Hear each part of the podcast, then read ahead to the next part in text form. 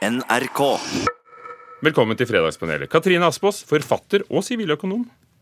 Nemlig. Det gir en slags tyngde, det, å si det. Eh, det er forsøksvis.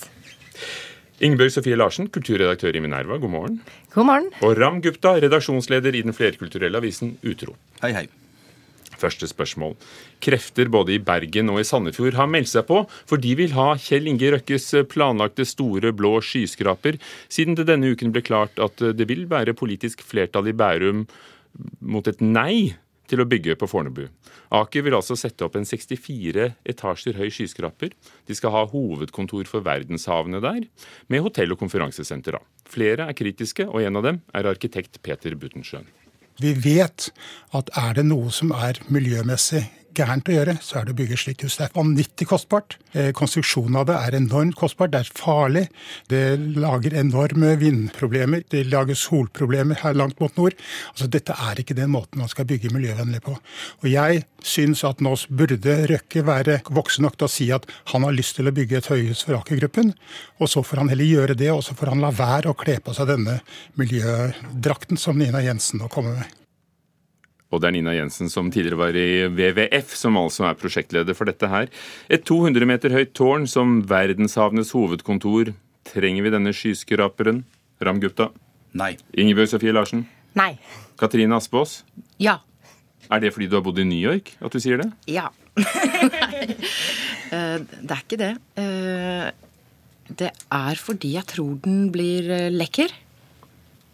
Vi tillater oss å lage lekre ting, og så tror jeg den blir viktig. Viktig? Hvordan? Ja. Altså, vi trenger både Vi trenger et, et synlig symbol på at vi, vi skal rydde opp. Noe vi har søla til i veldig, veldig, veldig mange år.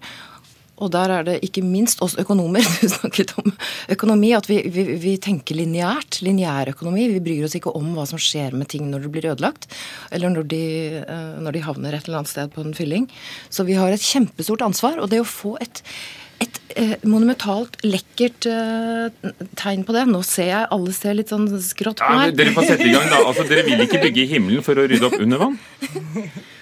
Nei, altså jeg tenker at Det spørsmålet her handler litt om to ting. Det ene handler om Røkkebø får få bygge et sånt eh, hovedkontor for eh, havnæringen, og om Norge passer til det. Og svaret på det tenker jeg at er, er, er ja, det kan vi, kan vi gjerne ha. Det, der er jeg ikke uenig med deg. Eh, Men om det skal være en stor skyskraper, og hvor det skal ligge, det er liksom et annet spørsmål. Og det har vært nevnt at Bergen gjerne kunne tenke seg dette her, og det syns jeg er en god idé nettopp fordi at i, på Vestlandet har vi allerede veldig masse relevant næring, og man er i gang med å bygge en sånn marin klynge i Bergen.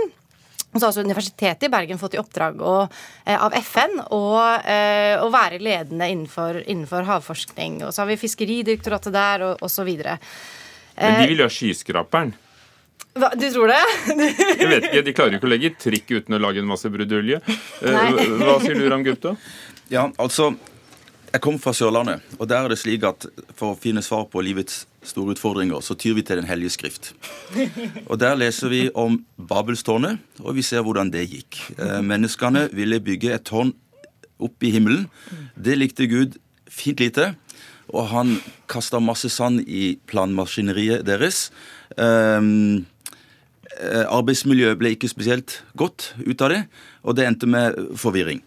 Um, Det andre er at eh, navnet på dette tårnet, eh, Det store blå, så vidt jeg husker, det minner oss om en stor film som kom for mange år siden, som heter Big Blue. Le Grand Bleu. Riktig. Den filmen var orientert nedover, mens tårnet til Røkke er orientert oppover. Så hvis vi går til teologien, og hvis vi går til kulturhistorien, så ser vi at dette ble helt feil. Og så var det det byplanmessige, da. Du hørte hva Butenschøn sa før Ja. her, eh, Aspaas? Ja, jeg er villig til å gå og lese teksten eh, igjen. Samtidig så er det sånn at eh, det å Når noen tenker høyt, da, altså i, Bil- Bokstavelig og og bokstavelig. Når noen gjør noe som er synlig altså Vi trenger symbolene på noe vi ønsker å få til. Og det som er bra med rikinger som, som tenker høyt og gjør bra ting, det er at vi kan holde dem ansvarlige etterpå. Så vi får, vi får faktisk noe som vi kan eh, holde ham ansvarlig for. Og så blir den jo stående. Det er litt sånn in our face. det er vi som står der med det tårnet da, etterpå. Jo, står med det tårnet. Det blir jo et hotell, ikke sant? det blir et konferansesenter. Det, blir, det kan bli et, et vekststed rundt, uh, rundt Fornebu, som nå egentlig er en sånn industritomt. Så det går an å tenke seg en byutvikling der. Og så, og så er det jo sånn at vi har jo tårn rundt omkring som vi frydes ved. Og teknologien for bygging av tårn blir bedre og bedre. Jeg ser du, Nå er det nesten så Ugo har sånn der krøllete fjes. det er for å lokke det ut av dere. Ja. Eh, Thomas Dies Evensen, eh, arkitekten, sammenligner det med tårnene i de toskanske byene. Er det en relevant sammenligning, synes dere?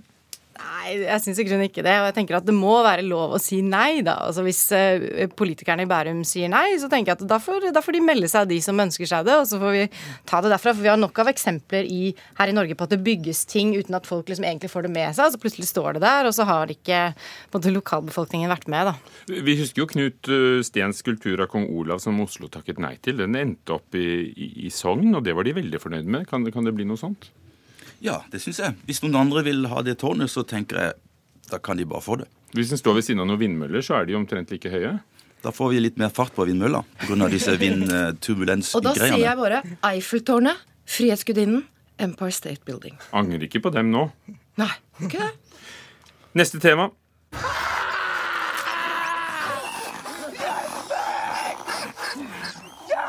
That's Noma fictus. It's just gnomes having violent sex, as gnomes do. Best not disturb them, let them finish. We have a saying in our realm.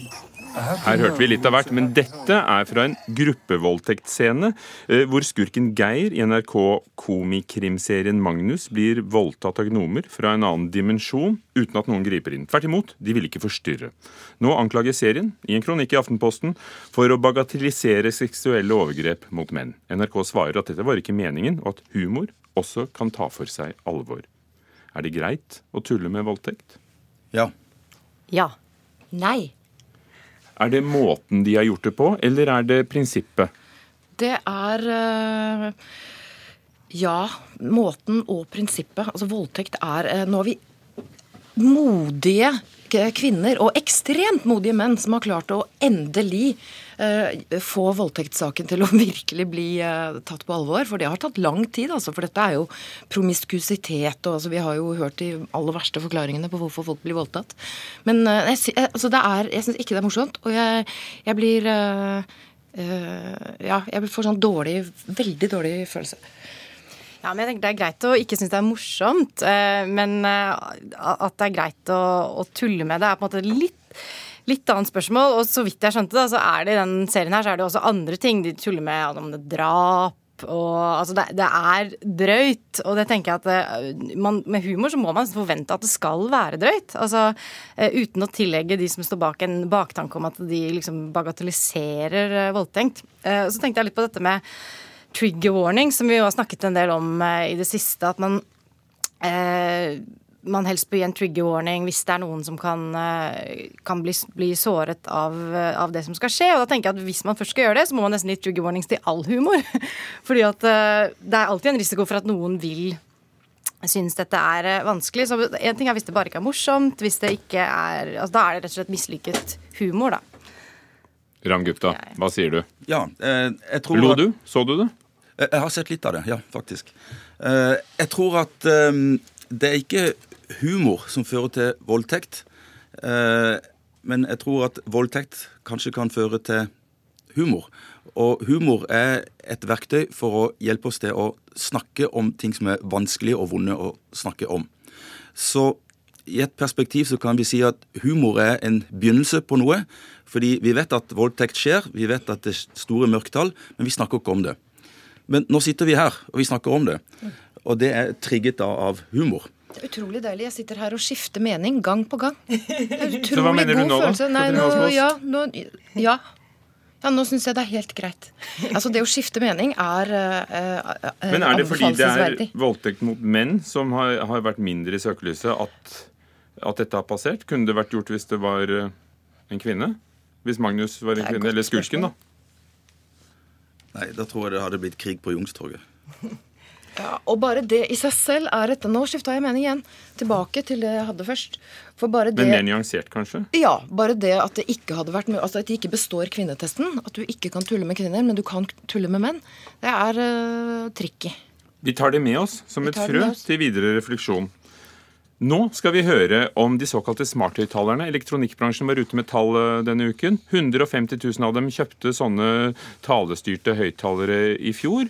eh, Og de er ikke alltid helt på høyden. Hei, Google. Sett på musikk. Beklager, jeg skjønner ikke hva du mener.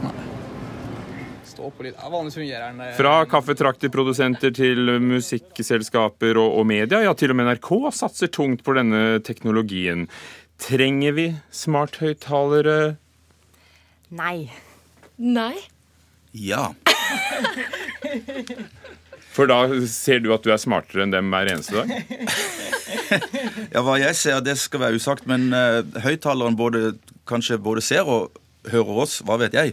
Men jeg tror at eh, vi skal ikke være så hissige på disse greiene her. Disse høyttalerne de blir bedre. Det er versjon 1.0, 2.0, 5.0, eh, ikke vet jeg.